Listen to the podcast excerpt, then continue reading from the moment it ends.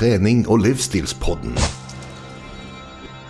En podkast av PT Service fra hjertet i Stavanger.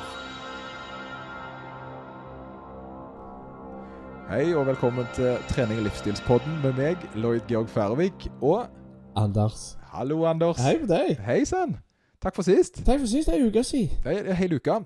I forrige uke var det jo ganske bra. Da fikk vi jo spilt inn pod og spilt eh, eh, data, skulle jeg si. Å ja, men To- det er vel det er jo sånn de fleste ukene blir framover nå. Ja, det ser ut som. Ja, for nå har det bygd seg opp til at vi har to dater i uka. Eh, som seg hører bør, føler jeg. Ja, eh, Så snakker vi jo litt grann utenom òg. Vi Ja, har jo sånn en snakkstreak, så det, Ja, det er jo egentlig å snakke sammen. Det Jo, jo nå nærmer vi oss 400. Ja. Eh, og grunnen til 400 er jo fordi det var den dagen jeg installerte Snapchat. Ja. Eh, jeg har jo hatt det før, back in the days. Ja. Men, eh, men jeg har begynt på ny, ny runde da, for 400 dager siden, eller 398 om jeg ikke tar feil. Ja. Uh, og grunnen til jeg sletta det første gang, var jo fordi uh, jeg har jo ha, Jeg har blitt bedre på det nå, men før så sleit jeg veldig med å så Med å så ikke lese meldinger. Så når det sto notifikasjoner og sånt, så måtte jeg åpne det. Jeg var nødt til, uansett hvor jeg sto hen. Og problemet med Snapchat er jo at det forsvinner. Uh, og, og det er jo mange som har valgt å bruke Snapchat som en sånn plass og spørre spør om råd, eller ja, si, tekniske råd for trening. Noe som er veldig dumt, da. Eh, Så da ble det til at jeg plutselig måtte bare ta meg en timeout og jobbe, uh, uansett hvor jeg var hen, fordi jeg var for dum til å åpne en eller annen snap. da. Så istedenfor å fortelle folk at de måtte slutte å sende meg jobbting, uh, så var det jo mye enklere å bare slette Snap. Uh, Fram til jeg ble voksen og klarte å la være. Ja, ja, jeg, jeg tror faktisk det er lurt at du har gitt beskjed om den greia her. For det, det er veldig mange, inkludert meg sjøl, som fortsatt bruker Snapchat som en litt sosiale greie. Ja. Men du har fortalt at det ikke er så mye av det fra de sider. Så når jeg sender eh, en eller annen bilde eller et eller annet, så det er ikke ofte jeg forventer svar med en gang. Det. Men, men eh, Det er det, ganske blir det enten samla opp, eller så blir det oversett, rett og slett. Ja. Eh, Jeg ser bildene og sånn, så det er nå jeg samler det opp, og så koser jeg meg på kveldstid. Eh, og så prøver jeg da også å dele liksom hva som har skjedd litt sånn behind the scenes. Eh, så er jo spørsmålet Har du er det noen, som har kommentert at de har hørt podden? Vet du hva? Det er, det er ikke der som jeg kommer fra. Men jeg har faktisk hørt om noen som traff noen i forbindelse med en konkurranse som hadde hørt på podden. Ja, for jeg ringte deg. Ja, du ringte, Ja, stemmer det. Ja, jeg var så stolt. Jeg, eh, jeg var jo da ja, med på en konkurranse eh, tidligere i uka, altså i går. Eh, Og, og da var jeg på fredagen inne for å sjekke inn, og så føre meg opp og registrere meg, da. På Ironman i Sandnes. Ja da, ja da, ja da. Kommer tilbake til det. uh, og da var det en som kunne formidle i køen der at uh, han hørte på oss. Uh, og det syns jeg var ganske kult. at en, at han fortalte. Fordi det var jo kjekt. sant? Det er jo litt koselig når det For vet familie hører ikke på. Nei, nei. Eh, Kona gjør det jo faktisk, hun er flink til å høre. Men ellers er det fåtall av eh, folk som kjenner oss. De er nok lei av Kanskje lei av maset ellers, da. Men eh, vet du, det- fortalte han noe om Hadde han fått noe ut av det, eller? Det- Han, han visste iallfall nok til at jeg ikke måtte eh, sykle feil denne gangen. Så han har iallfall hørt, hørt den episoden der, så han Ja, kunne iallfall okay. komme med noen gode råd. Og det var jo litt bra, syns jeg. sant? For da har han jo Han har jo fått med seg litt av konteksten her, da, og syns det var, var koselig, da. Så det var, jeg fiska jo ikke for mye. Jeg ble litt sånn Å, så koselig, sant? Og syntes det var litt uh, løfta dagen min. Eh, det er jo ikke så vanlig at liksom, folk kommenterer det, men det skjer. Eh, og i sånne settinger der du ikke kjenner folk fra før, og de forteller det, så vet jeg at det var en liten sånn Det er et lite hinder for å gå bort og faktisk si det, da. Ja. Eh, så, så det var litt sånn Nei, det var kult gjort. Kult gjort. Jeg kjenner det litt grann sånn som på trening. For det, det, det, jeg trenger ikke nødvendigvis å kjenne de som jeg trener i lag med. Jeg kan trene på samme plassen. Men bare det at vi trener på samme plassen, gjør at terskelen blir litt mindre for å si hei. Så når jeg har sett de samme folka et par ganger, så kan det godt være at jeg drister meg til et hei. Ja, det, det merker jeg jo at andre òg gjør. At det, det, det er ikke Vi har på en måte en felles, uh, en felles greie som vi gjør. Uh, og da blir det automatisk Selv om jeg ikke kjenner de, så blir det litt kjeldninger allikevel. En, en har jo noe felles å snakke om, da. Det er jo gjerne det som eh, en kan kan Felles påpeke. interesse. Felles interesse. Og Når, når føler du en bør si hei? Er det med andre eller tredje gang, eller er det noe sånn eh, Og jeg, jeg tror Ja, si tredje gang, da. Ja. Og det er ofte nok. Ja, for, for det, det, det som jeg opplever, det er jo det at en har, har gjerne sine rutiner. Mm. Uh, så da blir det at en trener litt fast. Mm. Og de folkene en da gjerne møter på, de treffer en gjerne flere ganger, fordi den treffer på samme De har samme døgnrytme, kanskje samme plass i livet. Uh, og um, Så jeg har egentlig blitt kjent med ganske mange mennesker nettopp pga. at jeg har vært fast på en plass over lang tid. Og på et eller annet tidspunkt så blir en jo nødt til å si, si hei. Og så har en da trening og interessen for det å prate om, og så har en en liten innfallsvinkel der en da kan begynne med det, og så snakker en om kjekkere ting etterpå. Virker jeg ganske sur, eller hvis jeg For det, jeg, jeg må høre på musikk når, når jeg uh, trener, så hører jeg på musikk, og jeg hører ofte på min egen musikk. Jeg er rimelig sikker på at alle andre har ikke lyst til å høre på min musikk. Derfor så, Det kan godt være jeg sier hei, men så plugger jeg i øreklokken, eller øreproppene mine. Virker jeg da litt grann sur, eller er det meninga at folk skal ta de ut og snakke litt, grann, eller det, det, det som jeg har sett, eller så, sånn som jeg tenker, da Dette er min subjektive tanke om dette. eh, Det er at eh, det er det universale språket for at eh, jeg vil være med trening alene i dag, men det er ingenting galt med deg. Så når du tar på deg headset og på en måte kjører gjennom treninga, så er det ikke for å unngå andre, men for å være fokusert på oppgaven din. Men samtidig så er det jo det da vanlig at en gjerne plugger ut og, ta, og, og da vise seg at den er tilgjengelig for prat. Så, så jeg ville egentlig ikke forstyrret folk som har hodetelefonene på, om det ikke er sånn typiske spørsmål Kan jeg gå imellom på settet, eller hva det måtte være. Fordi det er tydelig at de på en måte er i sin egen tid, da. Eh, Og det skal en jo respektere.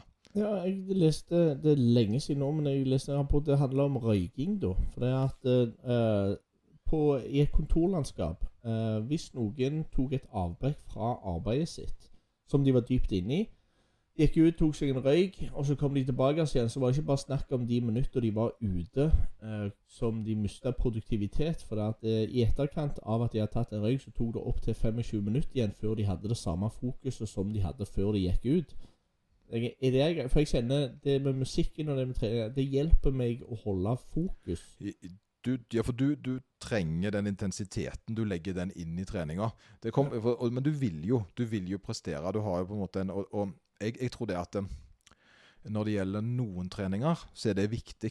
Eh, jeg har jo kjefta på kona et par ganger når hun er også begynner å fikle opp i blomstene og sånt mellom settene. En gang observerte jeg henne pusle men, mellom benkpressettene, og da fikk hun tilsnakk. Ah, okay. For det, det er noe med oss å være i det en holder på med, syns jeg, da, vel å merke. Hun, gjerne hun finner glede i det, men jeg føler at nå er man on a mission. sant? Nå skal vi løfte tungt, da skal vi være, da skal vi tenke benkpress, vi skal lukte benkpress, og vi skal se benkpress. Eller annen øvelse. Uh, hun var ikke enig, men uh, jeg fikk jo få sagt mitt. Ja. Og, så, uh, og så sov jeg på gjesterommet. Nei, altså like a en. Worth it. Men, eh, men fokuset er da at en eh, eh, Altså, jeg mener det at en, det er en mental del, det å prestere. Det er ikke bare å gjøre en motion, altså gjøre en bevegelse. En, skal, en er ikke bare der for å bevege seg. En er der når, altså når en ønsker, spesielt i styrkesammenheng, da, når en ønsker å prestere bedre enn før, så må en ha et mindset som en på en måte oppgraderer. En, en må jobbe med seg sjøl mentalt. Um, og det er jo litt sånn gøy. Um, fordi det er jo mye det jeg gjør når jeg trener folk. Så veldig mange damer spesielt eh, har på en måte er litt sånn danna. Litt sånn flink pike-syndrom. da. At de er litt forsiktige. Uh, ofte menn nå, men uh, akkurat i denne sammenhengen her så, så er det litt lett å forklare det med, med damer, iallfall. Uh, så der de der de ikke tar i, For en skal ikke lage lyd, en skal ikke være synlig, en skal liksom være litt forsiktig. at det på så De har på en måte blitt lært opp til det.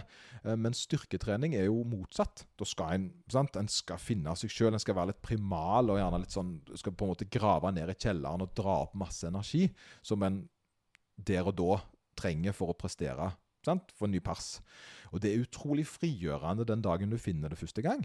Fordi du plutselig føler deg så Ja, som at du føler deg litt eh, det er litt sånn instinktfølelse. At det er litt andre følelser enn en er vant med, der en er veldig sånn strukturert og ryddig. Og plutselig så er det følelser. følelser. Og, og det er litt deilig, men det må jo øves på.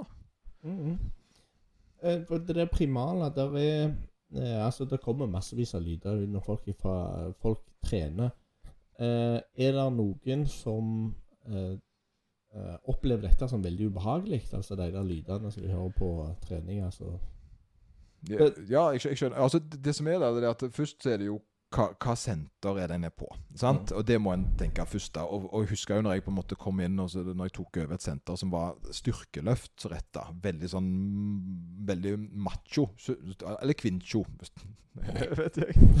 Jeg vet ikke om det Jeg vet ikke om det det. finnes. Jo da, det fins. Men jeg sier det. Jeg må prøve å være sånn eh, korrekte her. Ok. Eh, men at det var en plass der det var idrett, og folk skulle på en måte klare å løfte veldig, veldig tungt i styrkeløft. Eh, og det som på en måte jeg, jeg ikke var forberedt på, var jo all den her eh, det ritualene gjerne en hadde med litt lyd og opphissing før en skulle prestere.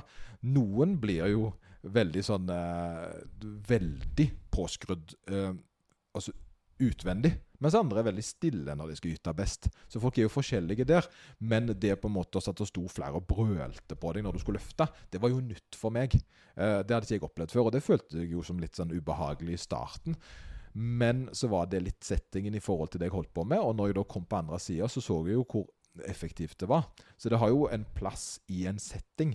Uh, så det Er klart, men det er, sant, er du inne på en yoga eller et eller annet sånt veldig sånn der det skal være litt rolig og litt sånn behagelig, da, så tror gjerne at det ikke er nødvendig å lage veldig mye lyd. Fordi det er jo litt sånn, og dette er en sånn typisk styrkeløft, en sånn styrk, sterk personting. De, de skal få lov til å bråke. Eh, men, men det er ikke alle sentre som tillater det. Eh, Noen plasser er lagt med tanke på folk som gjerne vil ta det litt med ro og være litt sånn Altså, eh, Det er en plass å komme vekk og slappe av, mer eller mindre. da. At de liksom har en litt annen eh, intensitet på treningen sin. Og Da, da syns jeg det er litt dumt å komme ramlende inn og skal på en måte Jeg må få lov å bråke fordi det er sånn jeg trener. Mm. Eh, det syns jeg faktisk er, gjerne kan være litt unødvendig. Ja, Fins det noen regler på hva tid du begynner å bråke? For jeg ser jo for meg hvis noen tar så tungt som de kan, så kommer det kanskje noen uh, skviselyder og støddelyder og sånn. Men si du skal ta 10-12 reps, da. Starter du ifra rep nummer én og bråker? Er det noen regler på det? Eller? Eh, Nei, jeg tror det er det som får Altså, én, da, det er jo litt hvor du er hen. sant? Altså, Ja. Er du på et kjøpesenter, så bør du kanskje ikke bråke så mye, men, eh, men eh, altså, det er litt med hva eh, Hva du holder på med, sånn. sånn eh, men så er det òg hva person du er. Sant? Eh, en må ikke lage lyd, det er jo veldig viktig. Men det er jo noen som begynner på rep 1 når de skal ha 15. Og det er jo litt rart for meg, da. For det, det bør jo ikke være slitsomt på første når du klarer 15 reps. Men igjen, hvis det er på en måte den settingen de holder på med, og det er normalt i det miljøet de er i, så kan det bare være positivt, og at det kan få andre til å slippe seg fri. Så det er litt sånn at en skal på en måte prøve å lese litt rommet før en setter i gang. Det er klart, driver med vektløfting, der jobben er å løfte ting over, altså over hodet og, og, og hive det i gulvet etterpå, så er det lyd. Det kommer til å være ekstremt med lyd. Og det er det jeg gjerne blir overrasket over når jeg er på sånne plasser. Hvor, hvor mye lyd det er.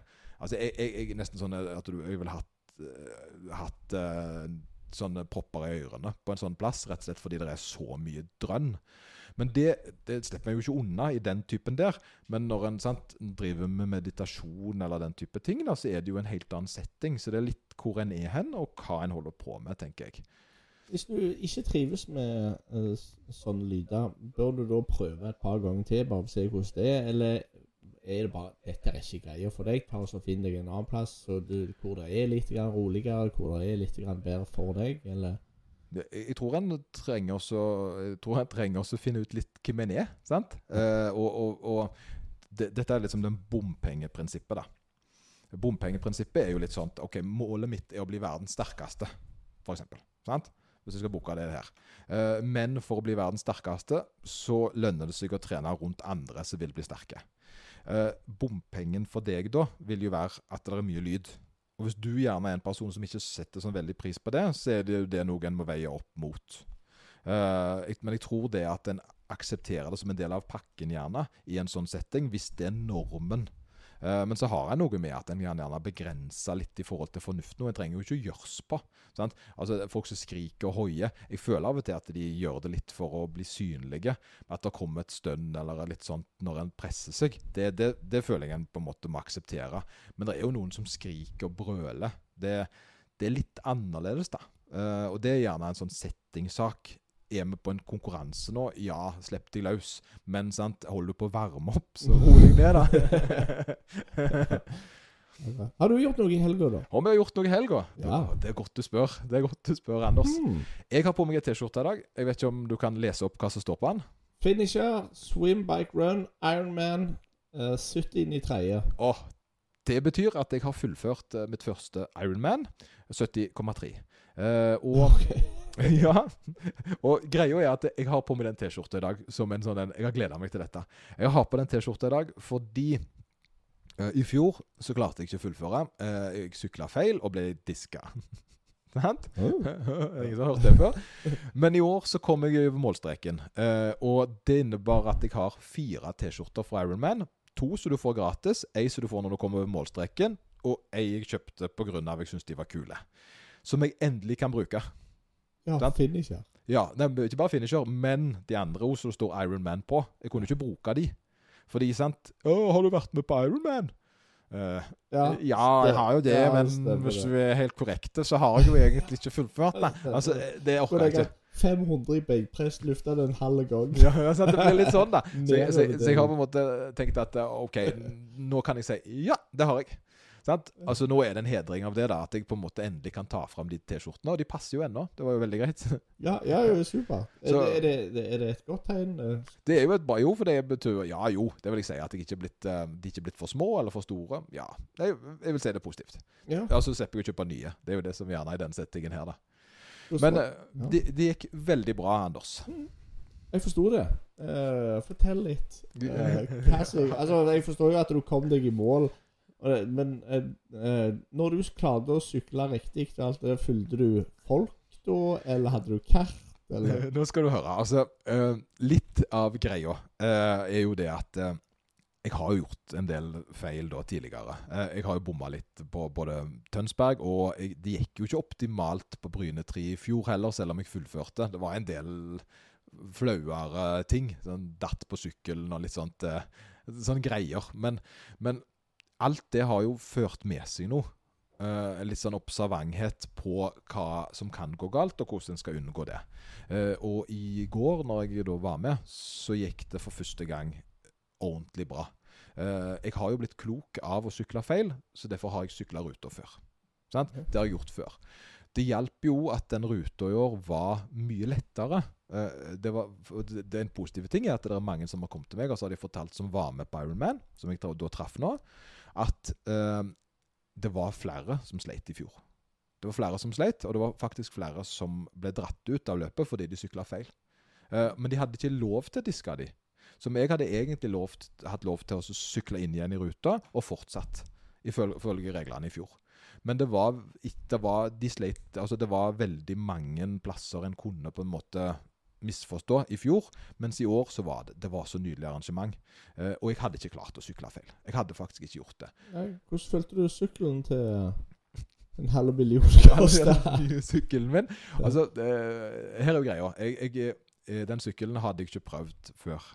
Eh, fordi eh, når jeg da var inne til Bike Fit, så fikk jeg beskjed om at det er, det er veldig mye galt med deg. Eh, dette kan bare fikses med galskap. Så styret måtte heves til taket, eller månen, som da spinn.no eh, påpeker. Eh, Jeg har vært der en del i det siste for hjelp, for jeg ville ikke at dette skulle skje igjen. Eh, og um, jeg hadde ikke prøvd sykkelen før, uh, ordentlig. Jeg hadde sykla på Kiwi og kjøpt is. Det hadde jeg gjort. Men uh, nå når jeg satte meg på sykkelen, og, og etter en svømmetur som jeg for øvrig persa med 20 minutter på. Ja, det var såpass. Det var første gang jeg svømte, mener jeg. Før har jeg bare bada. Ja. så det var kjekt. Satt meg på sykkelen, sykla av gårde. Eh, og den sykkelen der som da var stilt inn til min fysikk, det, det var første gangen at jeg har en sykkel som passer. Jeg har ikke hatt det før. Det var jo smerte klar over da. At jeg har aldri visst egentlig hvordan det er å sykle ordentlig. Det, og det er ikke tull engang. Det, det var skremmende hvor mye forskjell det var. Um, og det var sånn eh, eh, Nå litt sånn selvskryt her nå, men, men jeg sleit med å holde igjen. Uh, og når jeg da tenkte Han her, han holder jeg meg bak, for han ser ut som han sykler veldig fort. eh, så klarte jeg ikke å la være å sykle ifra han uten å trø engang. For sykkelen bare gikk av seg sjøl. For jeg lå da i en aerodynamisk posisjon, fordi det er en temposykkel, mens han gjerne hadde Folk var mye mer opprette fordi de hadde en annen type sykkel. Så eh, jeg lå komfortabelt. Jeg hadde maks tråkk. Og jeg, eh, jeg hadde antatt jeg skulle klare det på 3 timer og 30 minutter. Klarte det på 2 timer og 45. Så det, du ser litt forskjellen, da. Ja, At ja. det var eh, Og det var, det var aldri noen plasser i den løypa der jeg hadde jeg, jeg hadde sykla feil. Det var såpass godt merka, og løypa var denne gangen ei sløyfe istedenfor et åttetall. Så eh, all ære til et veldig bra arrangement. Ja. Nei, det, det høres jo rimelig fantastisk ut. Det, du hadde jo et eller annet med kroppen din som gjorde at de måtte stille inn sykkelen til kroppen, Ja, stemmer. jeg. Jeg, jeg, det som var da, det var det at det, han, han var jo veldig overraska over at uh, jeg ikke hadde, hadde vondt. At jeg ikke hadde vondt. For det var, han måtte jo påpeke etter hvert, for han spurte litt han hoftespesialisten som stilte inn sykkelen. Ja. Han var litt sånn uh, Er du sikker på at du ikke har problemer? Har jo litt problemer. Jeg har jo litt småproblemer her og der. Det må jeg jo innrømme når jeg tenker på det i ettertid. Jeg har jo hatt operert luskene fire ganger, f.eks. Jeg vet ikke om det er normalt, men en blir gjerne litt sånn blind for det. Men, eh, men det viser seg da at jeg har fra fødselen av da, hofter som er veldig utoverroterende, og dette er noe som en egentlig burde operert. Eh, som da gjør at med en gang jeg bøyer meg framover, så går knærne ut. Og Det er jo derfor jeg alltid har slitt med knebøy, f.eks. At det har vært en grusom øvelse for meg.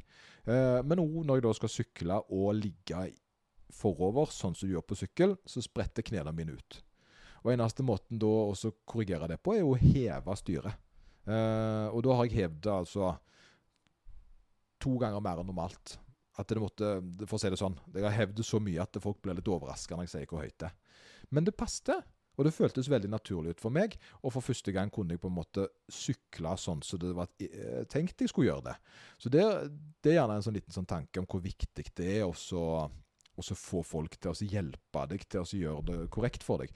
Fordi dette var komfortabelt. Det føltes rett ut for første gang. Hindsight is 2020. Altså, det er alltid lett å se tilbake på ting.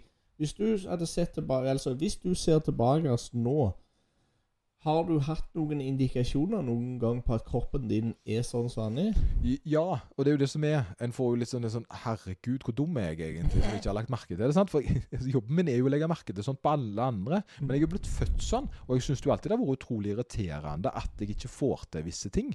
Sånn, for eksempel det å så, Uh, sitte på huk har jo vært ekstremt vanskelig for meg. Uh, det å sitte på knærne har vært ekstremt vanskelig for meg. Jeg har alltid sittet i Buddha. Sant? Men til gjengjeld så jeg kunnet sitte i Buddha, og det kan jo folk flest ikke. Sant? Sånn at du sitter på en måte og, og, og, og når jeg da gjør ting, så er det litt keitete, kanskje. Uh, men jeg har tenkt ja, det er sikkert fordi jeg har lange bein. Og Så viser det seg det at det, mest sannsynlig så kan jeg da gå inn og operere dette her, og få da en mye mer eh, bevegel, en, altså en mer naturlig bevegelsesbane i hele kroppen da, med beina. Og det har jeg faktisk tenkt å gjøre, bare for å gå, gå og se om det er noe en kan gjøre i 40-årsalderen. Fordi en er liksom ikke ferdig, da. En er jo ikke ferdig da. Jeg har jo eh, Jeg vet ikke hvor stort inngrep det er snakk om, men, eh, men en, jeg vil sjekke opp i det, altså. Mm. Jeg tenker på andre som kanskje burde ha sett at de har et eller annet. Hvor går den der Når bør du sjekke det, tenker du? Du Altså- kunne valgt igjen. Det er jo kjekt, da. Ja, ja, altså det er Litt av problemet er at en vet ikke at det er noe galt. Sant? Fordi en har alltid vært med det. Det er litt sånn som at jeg er fargeblind. Sant? Ja. Eh, når en er fargeblind, så har en jo ikke sett farger noen gang. Så hadde jeg vært ti og så mista fargesynet, så hadde det jo vært noe jeg hadde tatt på alvor. Men når en er født med noe, så er det veldig vanskelig å så altså, For en vet ikke hva som er andre enden. En vet jo ikke at dette er hvordan det føles. Så det, det, og her er jo klokskapen her er jo at jeg gjennom et langt liv har skada meg veldig mye på ting som jeg gjerne ikke burde skada meg på. Fordi jeg har ikke gjort det annerledes enn andre. Eh, Men årsaken gjerne har vært at her er det noe medfødt som sant? Og jeg, jeg personlig trodde jo at det skyldtes at jeg satt veldig mye og spilte data i tenårene. At jeg da ikke fikk den naturlige bevegelsen som jeg uh, trengte. Det var, det, det var på en måte det jeg unnskyldte det med når jeg begynte å trene. Men nå ser jeg jo det at det er andre folk som på en måte Nå lever jo folk på samme måten som jeg levde på 90-tallet. Eh, med å sitte med data. De får ikke de samme bevegelighetsproblemene. da. Så jeg ser at i stor grad så er det medfødt, eh, og det lar seg ikke gjøre noe med. Jeg kan ikke øke mobiliteten i hoftene mine med å trene det, fordi det er låst. Det er låst fordi det er ikke plass til å flytte det. Det er struktur, beinstruktur, som stopper meg på også. Eh, eller lipper, som det heter så fint. Ja. Eh, resten av Ironman, da? Resten av verden? Ja. Ja. Jo, jo, men sant, altså uh, per, det, det er jo litt av greia. Uh, når folk, folk kommer til meg og så sier de sånn ja, ja, 'Hvorfor driver du med ja, Er du ferdig med styrkeløft?' liksom. Nei, jeg er jo ikke det. Jeg elsker styrkeløft. Jeg Jeg syns det er kjempegøy. Og, og som coach så er det jo styrkeløft jeg kan. Uh, og, og trene folk i styrkeløft, det er jo det jeg driver med. Uh, og, og det har jeg gjort mer og mer. For øvrig, i dag fikk jeg beskjed om at en av utøverne som jeg har trent nå I helga så var det NM i styrkeløft. Da fikk jeg sølv, sølvmedalje på norrøn, og så fikk jeg tredjeplass på Kasper. Kasper er junior. Dette var åpent NM. Han tok landslagskravet. Så han, fått, han har da fått uh, papirene til landslaget. Oi, oi. Så det er jo litt kult. Sant? Ja. Så, så, så, så jeg trener jo folk ennå, da. Og det selvfølgelig, han har jo mye sterke folk rundt seg, men det er det jeg som har lagd treninger til han nå i en periode.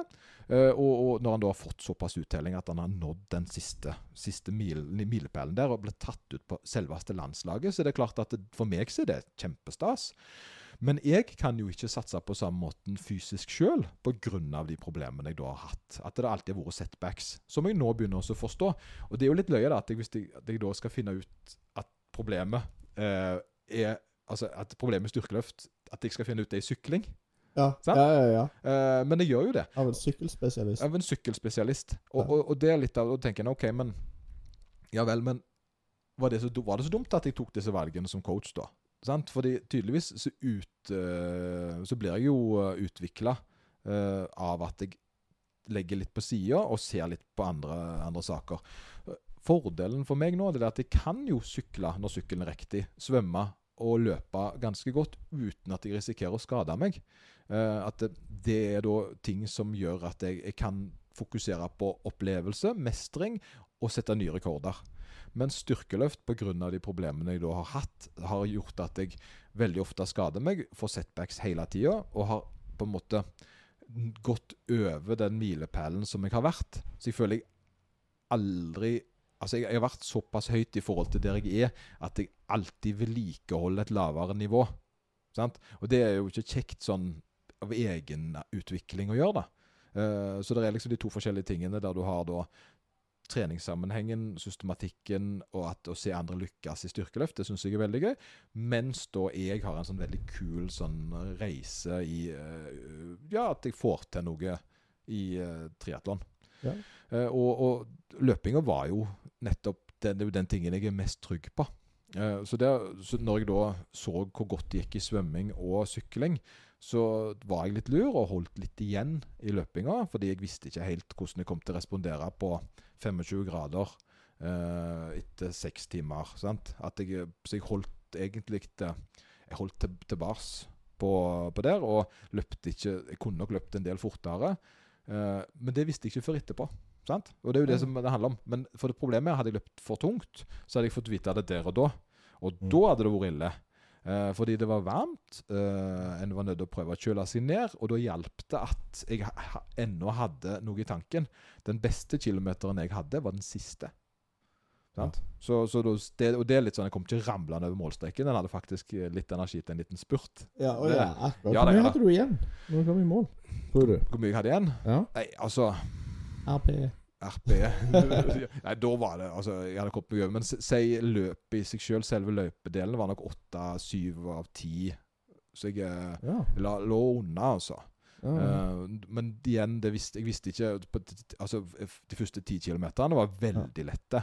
Det var nesten så Da, kunne, da slo jeg av vitser. Oh, ja. Og ingen ler jo, for det er ingen som skjønner at jeg tuller. Nei. Og så i tillegg så er kanskje et par er ganske slitne der. Ja, det ble Du litt slår sånn av en vits da som blir Åh, det jippi, du Det var på- Ja, det det de blir litt, sånn Ja, jo, for det var, jeg traff en da som, som uh, så veldig lik meg ut. Eh, så, og hadde mye hår på armene. Og det var jo oss to som hadde hår på armene på Ironman. Resten har jo barbert seg. Ja, ja, ja. Det er Eh, aerodynamikk, vet du. Ja, sant? Og det har jo mye å si. Det viste seg jo nå, det var jo noen som hadde testa det, og de fant ut det at hvis du sykla 45 km i timen, så sparte du 20 watt på å barbere beina. Ja. Det er 10% av eh, watt-gjennomsnittet jeg hadde. Bare så du setter det litt i perspektiv, da. ja. Jo, men eh, dra den litt videre, da. For det at håret skal vel òg fungere med å eh, transportere svetta vekk fra kroppen. Ja, ja, ja. Eller kjøle det, ikke sant? Ja, at det kjøler det. ja, men jeg tror gjerne at en, at en En heller varm dag. på en dag. Ja, men en blir gjerne litt mer dehydrert, men en ofrer det for prestasjonen, da. Så det er jo en fordel med håret. Eh, men jeg har jo like mye hår på armene, så jeg er jo oppi sant? Og her var humoren når jeg da traff en som var like hårete, da. Så Ja. sier jeg jo det. Oi, oi, oi. Hadde vi barbert, barbert oss før løpet, så hadde vi vunnet. Sant? Ah. Han, han, lo, han lo ikke. Han syntes ikke det var Oi, har Kan- du òg genser på? Kanskje han ikke snakket norsk, det vet ikke jeg. Men, eh, Ja, jeg det. men, eh, men det var litt sånne ting som jeg, jeg syns Og det er litt min humor når jeg At jeg blir litt sånn Jeg blir litt høy, da. Ja. Eh, for eksempel så når vi starta Er det noe som heter runners high? Ja, definitivt. Mm. Eh, har, Når du, kommer han? har du aldri hatt det? du? Har, har du aldri hatt det, du? Uh, jeg tror det, det var jo en periode hvor For det at jeg likte jo veldig godt Og jeg likte jo veldig godt å uh, kun trene styrke, og så hadde jeg kanskje noe oppvarmingsspringing. Uh, så for en Ja, det, det, det er over ti år siden nå, så fikk jeg en, uh, uh, første guttungen. Eh, da hadde jeg ikke tid til den type styrketrening som jeg gjorde, så da fant jeg ut vet du hva, jeg må jo trene på et eller annet vis jeg begynner å springe heller. Så tror jeg jeg hadde to uker hvor jeg ikke syntes noe spesielt om denne springinga. Jeg syntes det var kjekt i det hele tatt. Men så var det akkurat som jeg kom over ei kneik, sånn at jeg- jeg gleda meg til hver dag jeg skulle springe. Og eh, hvis jeg kunne få et, eh, bare presse inn imellom ei springeøkt, så gjorde jeg det. Sånn at jeg sprang jo uh, mye mer enn jeg noen gang- gang hadde gjort. For, og det tror jeg var litt runners high. Så det var jeg sprang så mye at uh, når jeg skulle registrere hvor ofte jeg sprang, da sprang jeg med vogn, uten vogn, med meg sjøl. Litt sånn hele tida. Så fikk jeg fikk en svær, svær diplom fra sykehuset, fordi jeg hadde registrert det. Så fikk jeg sykehusets mest aktive. Oi, oi Ja, såpass, ja. Ja, Det er kult. Ja, jeg, så jeg har et eh, diplom, jeg òg. Du har diplom. Ja, men det, det regner vel mange diplomer. men da var det jeg tenkte at dette må jo være runners high. At det, går ifra mistrives så mye til og nesten at det blir en liten avhengighet av det. Jeg, jeg, tror. Jeg tror um, eh, Det er ubehagelig å korrigere deg, uh, men, uh, men jeg, jeg tenker det du har opplevd, det er løpsglede. Eh, du har jo funnet gleden i løping. Runners high det er når du løper og du blir euforisk. Eh, at du på en måte får en sånn en At du soner litt ut og bare eksisterer inni en sånn boble. Der det på en måte bare ting bare flyter av seg sjøl, nesten. Det er på en måte det jeg har forstått med Runners high. da. Eh, du har bare hatt det kjekt, du. Ja, ja, stemmer det. Men det er jo det jeg er litt grann ute etter. Det er altså Det er jo egentlig å ha det kjekt med det jeg gjør. Så da er jeg da, Det der Brenna sier, det er ukjent for meg. Så da, da er jo iallfall spørsmålet mitt eh, aktuelt. Fins det?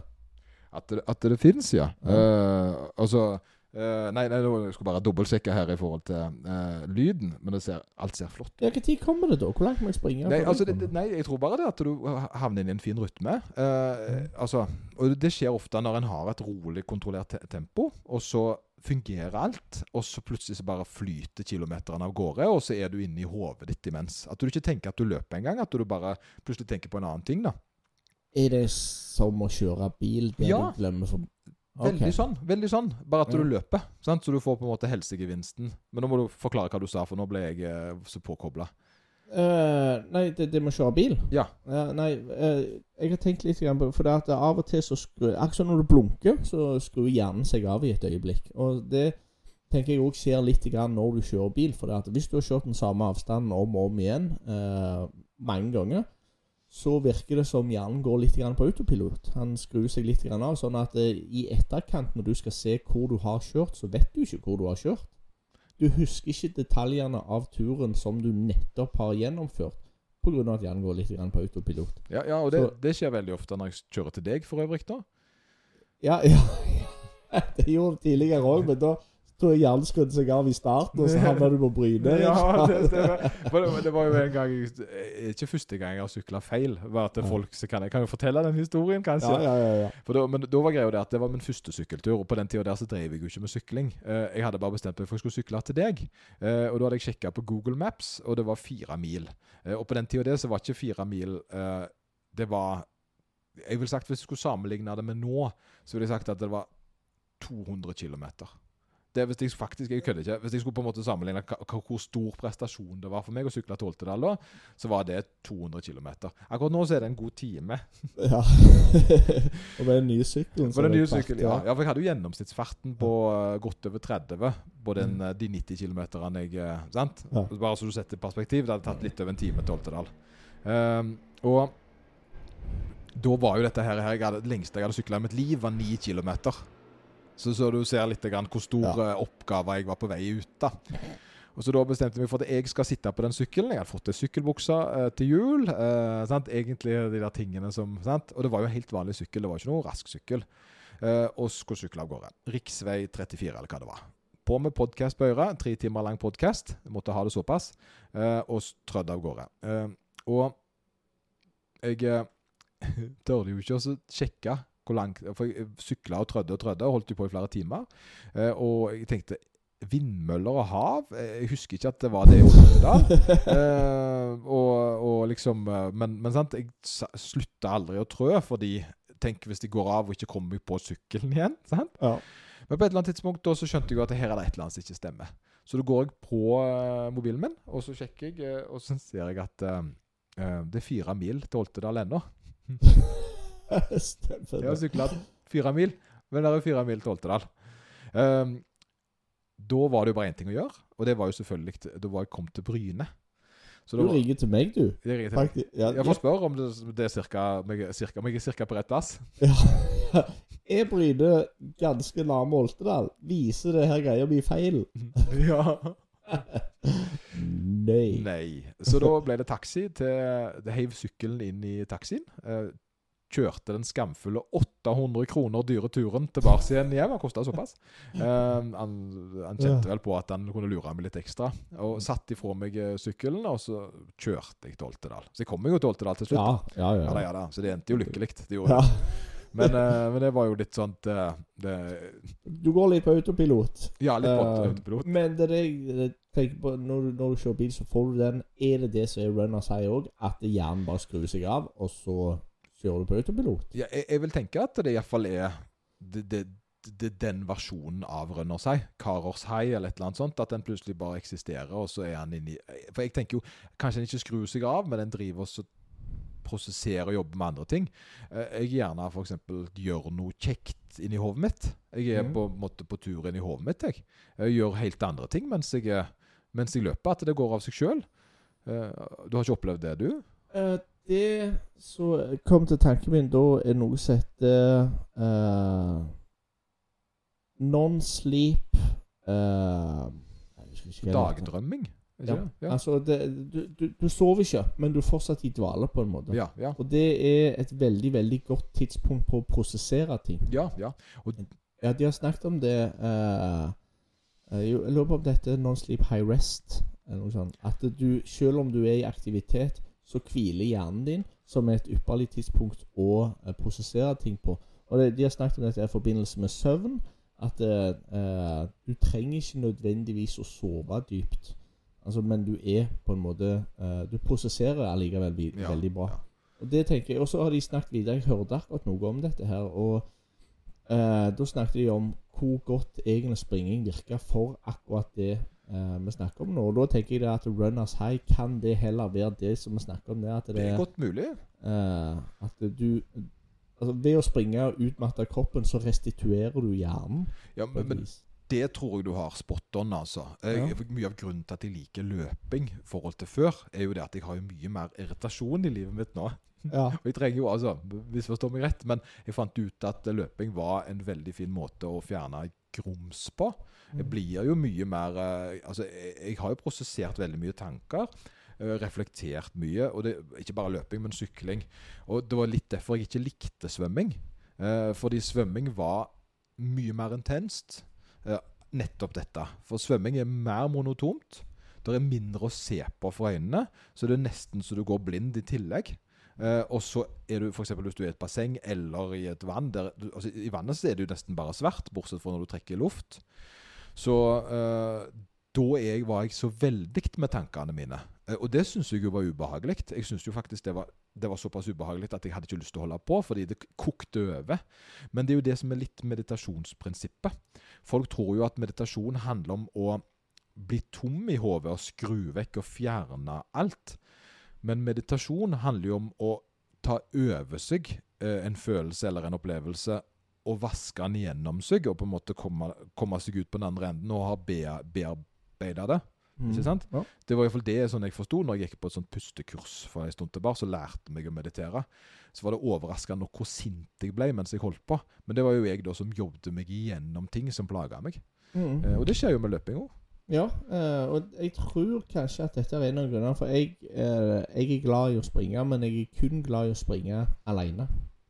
Ja, å ja, sånn, ja. Jeg, jeg, jeg, jeg syns jo det Ja, jeg, kan se den. Det er veldig, det er veldig givende. Men, eh, men jeg syns jo òg det er fint også. så prate, da. Jeg har jo styremøter med Og fortelle vitser og sånn.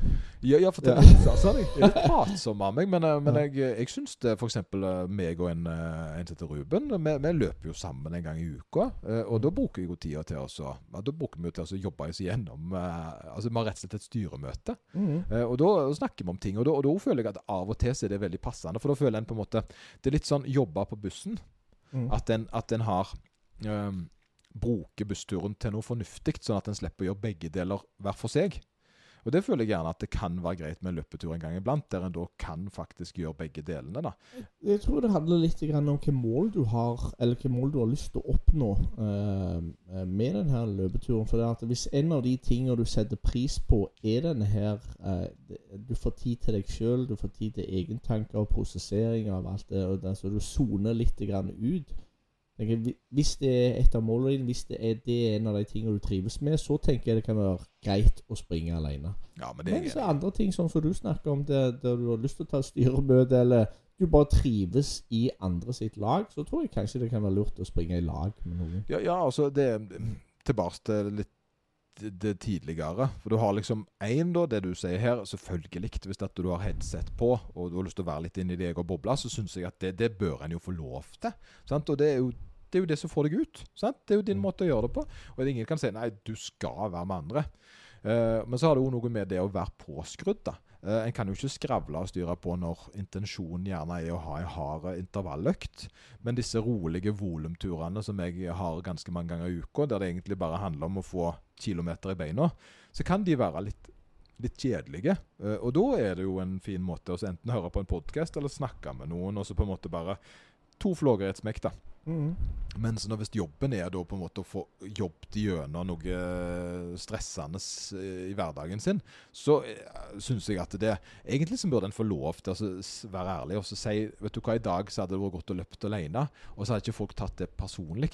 Men det tror jeg vi må bli flinkere til. At en på en måte sier det er ingenting galt med deg her. eh, du er kjempegøy, men akkurat nå så trenger jeg alenetid. Fordi det bør en kunne få lov til å si. Eh, at jeg trenger alenetid. Det, det er ingen som bør bli såra eller brydd av at du ikke vil være med dem. Fordi du har din egen jobb med deg sjøl. Mm. og det, og det, det bør vi bli bedre på som mennesker, syns jeg. Ja, eh, ja, ikke bare gi beskjed, men òg det der med eh, aksept og forstå at eh, dette er faktisk noe eh, den andre vil. Eh, OK, det, det er greit. Jeg har, jeg har jo en kone som er veldig god på det. Uh, hun har lært meg veldig godt dette her med å snakke ut ifra sitt eget. Uh, ut ifra sitt eget da. Istedenfor å si liksom Du er dum. Du er teit. Du gjør dumme ting. Så, så enten si hvordan det påvirker meg. eh, Det påvirker meg på en sånn måte at jeg på en måte blir eh, lei meg fordi at uh, da føler jeg meg oversett, eller hva det måtte være. Uh, og istedenfor å være angripende, prøv da heller å bruke anledningen til å forklare hvordan det observeres fra utsida, uten at en på en måte går direkte ja, til angrep på noen andre. Og da er det litt sånn Du kan ikke bli sur på noen fordi de forteller hva de sjøl føler om en sak. Sant? Når du spiller trommer, så, så, så får ikke jeg slappet av med kaffen min. Eh, og akkurat i dag så var det litt vanskelig fordi jeg er sjuk, så jeg kan ikke gå ut av huset, eller hva det måtte være. ikke sant? Altså, konkret, Det var det veldig spesifikt. Det er ingen som spiller trommer hjemme ikke meg. Men jo, du er deg, jo, du er trommer. Men bare middels nivå i forhold til de beste i verden, da, selvfølgelig. Det må vi jo få. Det må vi jo få. Middels, ja. Så ja, Men greia er at når en sier det på den måten der, da, så og forklarer det at det, akkurat i dag så er det litt vanskelig for meg å gå en annen plass. Så viser du på en måte både forståelse og en forklaring på hvorfor det ikke passer å spille trommer. da. Mm. Sett inn andre ting her, istedenfor du er en tosk som bare driver på med de dumme trommene dine. For da er du angripende. Mm. sant? Eh, og det tror jeg er en veldig sånn fin ting å lære av seg. da, At en på en måte er litt mer tydelig på hva en ønsker. I dag så trenger jeg en løpetur alene fordi jeg har mye jeg må tenke gjennom, og det gjør jeg best på egen hånd. Men jeg vil gjerne løpe med deg en annen gang, for jeg syns det er veldig fint. Hvis du kan bli sur for det, Ja, ja. da Ja, det er sikkert noen som hadde klart det Det er jo det. det. Ja. Du er ikke glad i meg lenger. Men da er det litt sånn Ja vel. ja, men det. Ja, Det er kone nummer én. Ja. Eller mann. Ja, ja, ja. Se her. Veldig sånn Veldig sånn eh, Ja, jeg fant ut hva det heter. Hvis noen har lyst til å lese om det, så heter det Non-Sleep Deep Rest. Oi, oi. det. Ja, det, det er et eget program for det. Og det er, eh, nå når jeg tenker på det, så er det jo en av de tingene som jeg har eh, satt pris på når det gjelder springing.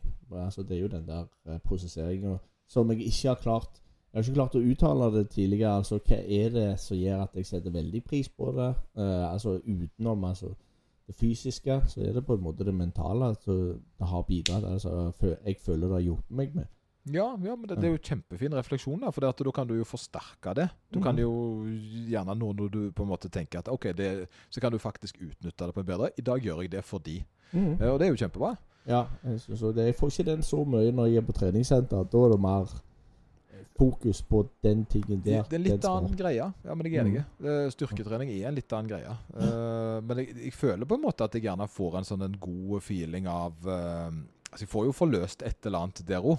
Mm. Men, men jeg- jeg får ikke den hjernevasken på samme måte som jeg gjør da i kondisjonstrening. da. Mm. Men hvis vi kaller det runners high for uh, non-sleep deep rest Ja. uh, Hvor lenge, eller hvor hvor mange ganger tenker du at det, du må springe? Hvor langt må du springe sånn før du kommer i den greia der?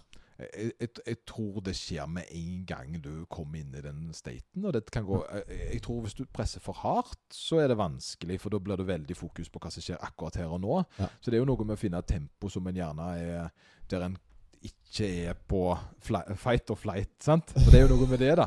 Det er jo veldig for at folk skal løpe litt saktere, bortsett fra når de skal spesialisere seg. Den typisk 80-20-regelen som jeg gjør, da.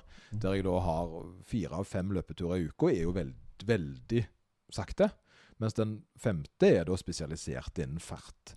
Og den, den dagen der er det jo veldig fokus på og prestasjon. Men resten er jo på en måte en fin plass å bare drømme vekk. Så når en da blir såpass komfortabel i løpinga at det skjer litt av seg sjøl, så tror jeg det automatisk begynner å vandre vekk. Og at en ikke stopper seg sjøl i det. da. Det er ikke sånn at en detter av veien. En fortsetter jo på samme banen. Jeg hadde jo en sånn opplevelse, for jeg er ikke så glad i lillestokka. Eh, Og jeg springer ofte store og lillestokka eh, som en sånn løpetur. Og jeg syns ikke det er så fint der. Men det er fint nå, for nå er det jo nydelig vær ute, og eh, planter på trærne og alt det greiene der. Mm. Um, men den ene gangen så begynte jeg på Lillestokka, så sona jeg ut. Og så neste gang jeg så, så var jeg fire kilometer forbi. Altså, jeg hadde, jeg hadde, jeg hadde rett og slett over Altså glem, glemte å tenke at jeg løpte i flere, flere kilometer. Og det var litt deilig. Ja, jo, jeg ser at det kan være deilig. Men så har vi tidligere snakket litt om eh, motivasjon. Altså Hvis folk har motivasjon til Altså En av motivasjonsgrunnene er at de kan springe rundt, de kan se på ting, ting er fine, og de kan trives mens de er ute og springer litt. Det forsvinner jo litt hvis du glemmer av at du springer, og at hjernen din går på autopilot. Jo, Og vi må endre litt på motiva motivasjonen. er at du får Da får du egentlig bare prosessert litt bedre. Jo, jo, men altså, det er jo hva en sitter igjen med etterpå. Sant? Ja. Det er jo det, ja. Hvis en sitter igjen litt lykkelig etterpå, så var det jo verdt det. Sant? Og, og det er klart at da, hvis en ikke likte følelsen av tilfredshet og, eh, og, og bli samla og bearbeide onde følelser, så kan en jo klype seg litt i armen hvis en vil. Eh. Ja, jo, jo, jo. Men, men det, det er noe med eh, gjør det en trives med. Sant? Og, og, og jeg tror det at eh, Altså Det tok meg ganske mange år i voksen alder før jeg begynte å sette pris på akkurat dette. Før så ble jeg jo stressa av eh, nettopp det samme. Mm. Det å svømming var jo noe jeg ble skikkelig stressa av fordi det ble for intenst. Men nå setter jeg jo pris på det for jeg har lært å være i det. Jeg har lært på en måte å bli inni det monotoma der. At det på en måte er en ting som jeg er komfortabel med, med nå. Men jeg ble jo litt tvungen til det fordi det var en, en av de tre øvelsene i triatlon. Sånn, hadde det ikke vært for det, så hadde jeg nok aldri drevet med svømming. Men nå har jeg jo da etter et par år med, altså såpass lenge jeg har holdt på nå, så har jeg jo faktisk begynt å få til å svømme litt. Jeg er ikke god på noen selvs måte, men, men jeg er god nok til at det ikke er ubehagelig å svømme. Sant? Freestyle, altså freestyle da, altså crawl i 50 minutter, liksom, er ikke et problem lenger. Det er ikke noe jeg blir sliten av. Uh, Fordi tempoet og flowen og alt jeg får inni der, er levelig. Og det var jo det som var så fint på den svømmeturen jeg hadde i går. Alt fungerte, og det var aldri ubehagelig. Jeg var bare inne i hodet mitt og pusla av gårde og tenkte OK, det var 500 meter, det var kjekt. sant? Så var det brannmanet som smalt meg i trynet. Det var Oi. ikke kjekt. Men det går. Jeg går, ja. Ja, jeg svei jo eh, Altså, det svei sånn at du For jeg fikk For det er jo Altså i Ironman så er vi 15 altså, det, er mange hundre som går i vannet samtidig. Mm. Og alle svømmer i forskjellig fart, og du havner fort i ei klynge. eh, Og du, kan jo ikke, og du ser jo ikke hvor du er hen. Så det, det er jo litt sånn sant? Det kommer en fot, det kommer en arm, folk slår hverandre. altså Det, det, er, det, det er krig, da. Mm. Eh, og det klarte jeg å unngå, og klarte å holde roen i, selv om det var noen som sparka meg opptil flere ganger. Det er, ikke, det er sånn det er. Det er sånn det er. Ja, jo. Eh, men den brannmanetten den fikk, fikk snabba til meg der, og den hang fast på nesen litt. Og så forsvant den, og da kjente jeg at au, det der var ikke godt. Og den sviinga ga seg jo ikke før eh, langt inn i sykkelturen, sånn to-tre timer etterpå. Ja. Eh, men jeg tror det kanskje var positivt, Fordi da glemte jeg jo alt annet. Ja, ja, ja. ja. Så- Det samme som hvis du har vondt i foten. Knekk fingeren, så glemmer du av foten. Ja, sant. Mm, Det, og, og det var litt kanskje, kanskje det var derfor det gikk så bra i går. Det var brannmanetter sin skyld, kanskje. Who knows? Tror du det kan være andre grunner til at det gikk bra? Iallfall ikke øving over lang tid. Eh, systematisk øving over lang tid var iallfall ikke løsninga. For Ah, det er ingen som blir god av å øve. Det er bare tull. Eh, her skal en bare satse, og så skal en tenke. Nei, det er klart det. Og det var øh, Feilene jeg har gjort, har jo resultert i at jeg da visste hva jeg ikke skulle gjøre, og så har jeg da funnet ut at hvis jeg gjør det, så blir det feil.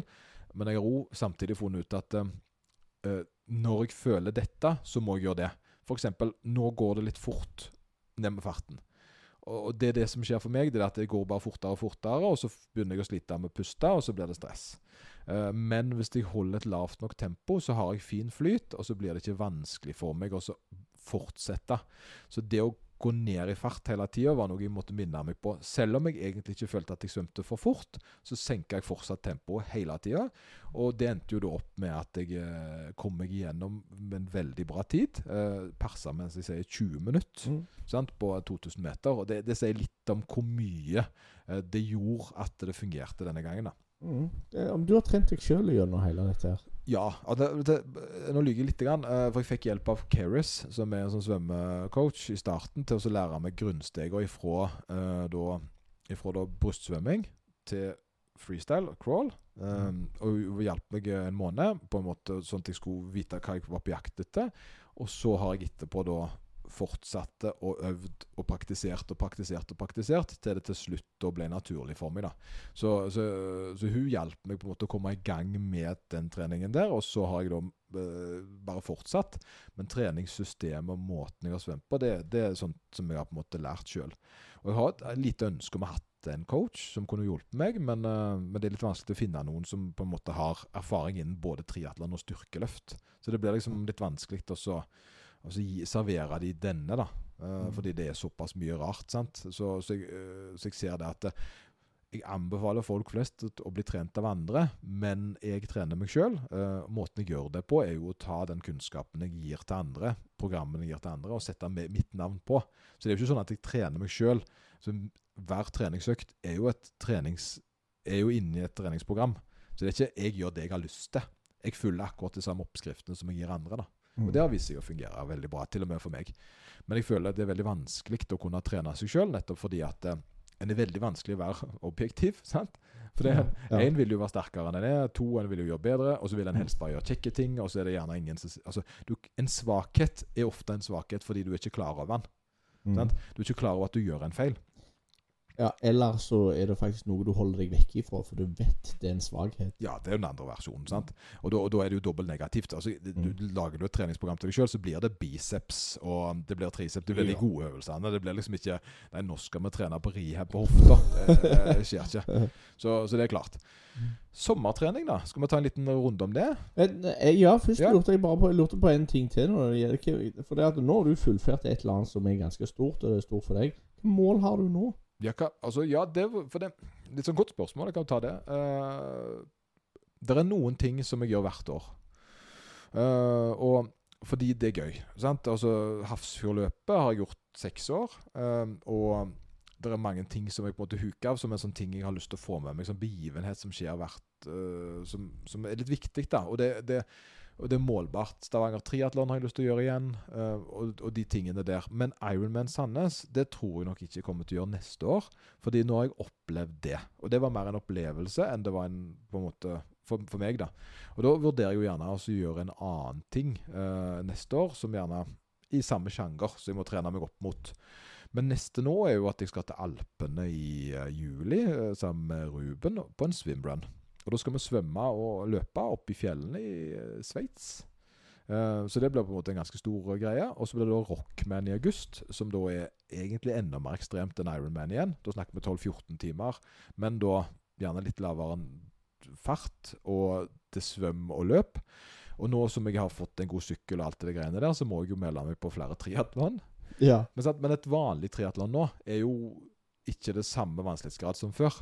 Eh, nå kan jeg være med på triatlon uten at det ødelegger flere måneder med opptrening. Det er jo det som er så rart. Ja. Så Treningene mine nå er jo gjerne triatlon. Jeg svømmer og sykler gjerne distansene triatlon er. Og så er det jo da, selvfølgelig skal en være med på en konkurranse og presse seg ekstra hardt, men distansen er ikke skummel lenger. Ironman var jo, er jo mye lenger, det er jo dobbelt så langt. Mm. Men eh, det er noe med hva en blir vant med. Det er ganske utrolig, altså. Ja, ja. Og så tenker jeg jo litt tilbake til det vi har snakket om. Overføringsverdien av dette her er jo på en måte når du har oppnådd et eller annet, så sett deg et nytt mål. Ja, og det er jo det, det, er jo det jeg eh, gjør. Altså Jeg har visse ting som jeg har lyst til å oppleve. sant? Mm. Uh, jeg har lyst til å være med på dette Celtic. Litt usikker på hvordan du sier det, men det er et sånn uh, det, det, ultratriatlon i Skottland. Men det er jeg ikke klar for ennå. For det, der har du svømmedelen, sant? og så skal du sykle dobbelt så langt som jeg gjorde i går, og så skal du løpe dobbelt så langt. Så det er liksom et, egentlig, Men om to-tre år så er kanskje det mer realistisk. Mm. Fram til da så vil jeg holde meg på de tingene jeg gjør nå. eh, Den type vanskelighetsgrad. Kanskje litt hevelse, kanskje litt mer høydemeter. Bare for å bygge mer erfaring. Være med på noe sånn småekstreme løp, eller noen småekstreme sykling. Men ikke alt på en gang. Jeg kan ikke bare doble ting. Sant? Men jeg vil gjerne være med på f.eks. Lysefjorden inn. Uh, det er jo 60 km løp. Det kunne jeg tenkt meg å vært med på. Uh, så, men det er jo ting som jeg aldri hadde sett for meg at jeg skulle gjøre noen gang. Men det var jo ikke Ironman heller. Altså Egentlig så var det jo Jeg skulle jo aldri begynne å løpe heller. Nei, nei.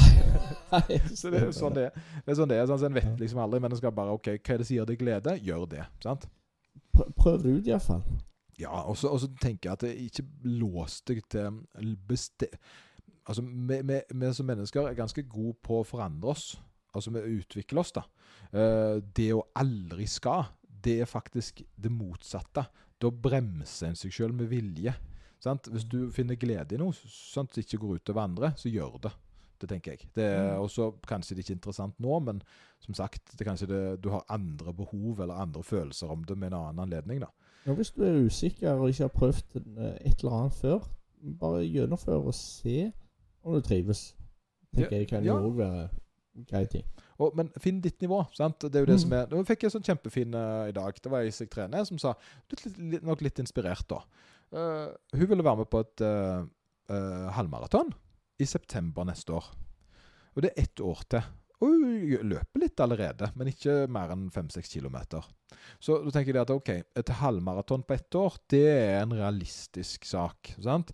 Et fullt maraton på ett år, det ville jeg ikke gjort. Ja. Da, da tenker de at ja, hun har klart et fullt på ett år, men det er en større skaderisiko, og kanskje ikke det hadde vært helt uh, den hverdagen du så for seg. For du må jo trene til et maraton nå.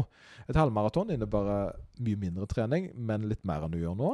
Så det er neste nivå for hennes utvikling, da. Mm. Fordi hun ønsker å bli utfordra på noe.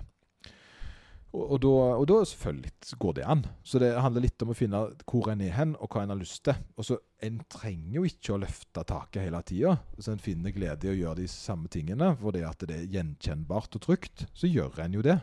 Uh, for det er ingen som skal si at du må. u- u- u- sant? Det holder bare å spise det samme hver dag som jeg gjør til frokost. Det går helt fint, det. Så lenge du syns det er godt. Ja. Ja. Mm. Eh, Jeg har hatt en litt sånn artig samtale med meg, da. Og det er jo klart at eh, når jeg da trener folk, så kommer gjerne folk som ikke har noen erfaring med trening. Eh, og så kommer jeg da inn, sant, som da holder på å trene og har såpass mye treningsgreier som jeg har. Mm. Eh, så blir det gjerne litt sånn, så ser de for seg ja, sant, ja, eh, Feil mann å spørre, da. Eh, men eh, hva Jeg skal på ferie. Hva skal jeg gjøre? Sant? Så hun her da, hun ville ta med seg masse strikker. Så sier jeg Men hva skal du med det? Hvorfor kan du ikke bare nyte ei uke ferie? Sant? Hvis det, øh, og da ble hun litt sånn satt ut. Uh, hvorfor jeg anbefaler at en ikke gjør noe, da. Så, så, så, men så er det litt med Hvorfor er du her? Jo, hun er ikke meg for at du skal trene og komme i form og sånt, men hun syns ikke det er så gøy. Sant? Så, men hun liker jo den tingen vi har sammen. Det at hun kommer til meg, og så treningene, og så får hun utvikling. Det å på en måte prøve å simulere det med strikker, vil jo ikke være noe kjekt for henne. Det vil jo være et uh, nederlag, vil jeg tippe. Eller gjerne ikke noe Iallfall ikke noe som hun gleder seg til å gjøre, da. Og, og, og da er det litt sånn Finn Hvis du da skal reise vekk, så er det ikke mulig å gjøre det du pleier. Så da må du gjerne tenke ok, er det noen opplevelser jeg vil være med på nå når jeg har ei uke fri fra hverdagen min, som er aktive. Det var det jeg sa til henne. Sant? Gå og svøm, gå deg en tur, sant? gjør sånne ting. Hvis du vil gå på trening, så trener du. Sant? Gå på treningsstudio, så trener du. Og så prøver du litt apparater og gjør litt sånn. sånn bare for liksom øh, prøve deg frem. Meld deg på en gruppetime, litt, få litt impulser, da. Det gjør ingenting så lenge en ikke skal spesialisere seg. sant? Hvis en ikke er midt i en oppkjøring til en konkurranse, men at livet skal være helsemessig sunt, da må en gjøre kjekke ting, da. Mm. Og jeg tenker Om sommeren så er det en fin anledning for de som trener, å gjerne oppleve nye, kjekke treningsrelaterte ting, hvis de ikke har en spesiell retning de skal holde på med. Mm. Og hvis de har en spesiell retning, e- eller noe de bare trives veldig godt med, f.eks. Eh, treningssenter, eh, så har jeg opplevd noen mange plasser. Noen ganger er jeg i Spania på eh, noen turer der. Andre ganger så kan jeg, kan jeg være på turné rundt omkring i Europa. Og det, det som stort sett er likt, det er at det der er treningssenter stort sett overalt. Så hvis du gir eh, litt grann forarbeid og finner ut hvor de treningssentrene er De aller fleste tar penger. Ja, de, de tar imot penger, mener du? Ja, det, det- det, det, Ta med deg litt grann Eros eller Å, der ja. du skal hen. Ta og så- med deg penger, altså? Ja, ja, ja. Okay. Så, så gir du dem til de som står der inne. Ah, Vips, så er du inne. ja, sant. Så er bare finner ut hvor de er hen, de treningssentrene. Ellers er det jo det som du snakker om, hvis du har lyst på en løpetur. Flott. Ta deg en springtur på stranda, da. Det er jo dritfint. Ja, jeg satt Bare, bare, jeg bruker det. det gjør jeg når jeg reiser på ferie. Da, da løper jeg mer. Ja. Og så trener jeg ikke sant? selvfølgelig ikke sykling og kanskje svømming. Altså, ja, jeg kan gjerne svømme hvis vi er nærme sjøen eller et eller annet sånt. Altså, på en strand. Mm. Men, men ellers så blir det veldig ubeleilig hvis jeg på død og liv skal finne et basseng og styre på med sånt. Sant? Eh, Og samme hvis du driver med styrkeløft. Det går Mm. ikke. Altså Noen plasser er det kanskje tilrettelagt for det, og da er det kult. For Mm. da kan jeg treffe likesinna. Da kan jeg være på en måte Hei, du kul. Det sånt uh, American powerlifting og greier, for eksempel. sant? Og treffe de, da.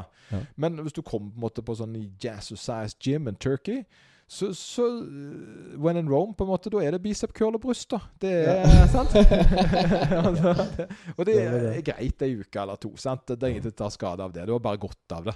Ja. Det var jo en studie nå som viste at eh, hvis du hadde treningsfri hver sjette uke istedenfor å trene kontinuerlig hver sjette uke, så hadde ikke det noe særlig til å si. Rett og slett fordi du tok det inn igjen overskudd, med overskuddet og trente litt hardere, i kontra de da som bare trente likt. Mm. Sant? Så eh, det er klart, dette er nok ikke idrettsutøvere som skal perfeksjonere noe, men for folk flest så gjør det ingenting om du har redusert uke her og der, så lenge kontinuiteten hele året er bra, altså. Ja, altså det, det er nok perioden eh, fra ferien er slutt til ferien begynner Ja. har mer å bety enn fra starten og slutten Det er helt riktig. helt riktig, sant?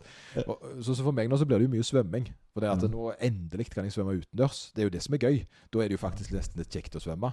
For da går jeg ned på stranda eller stukker vannet, og så svømmer jeg en tur, og så springer en tur etterpå. Føler meg fri.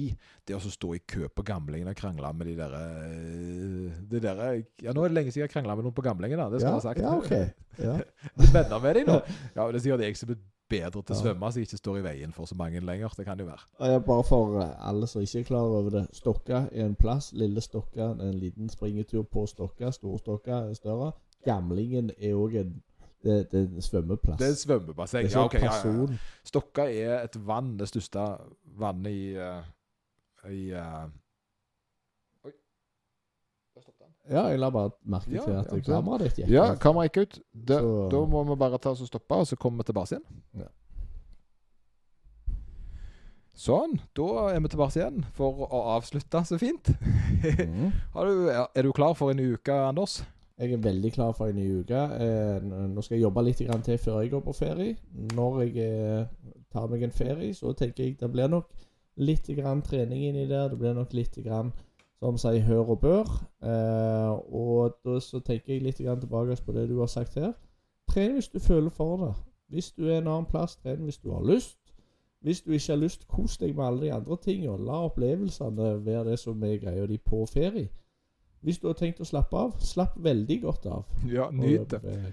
Jeg har en sånn god regel. Det er at uh, en tar også prøver å utsette uh, det som uh, Altså utsette seg, det skal en ikke. Men hvis en har gjort noe En, en skal trene tre dager i uka. har du flytta, så er det en av de.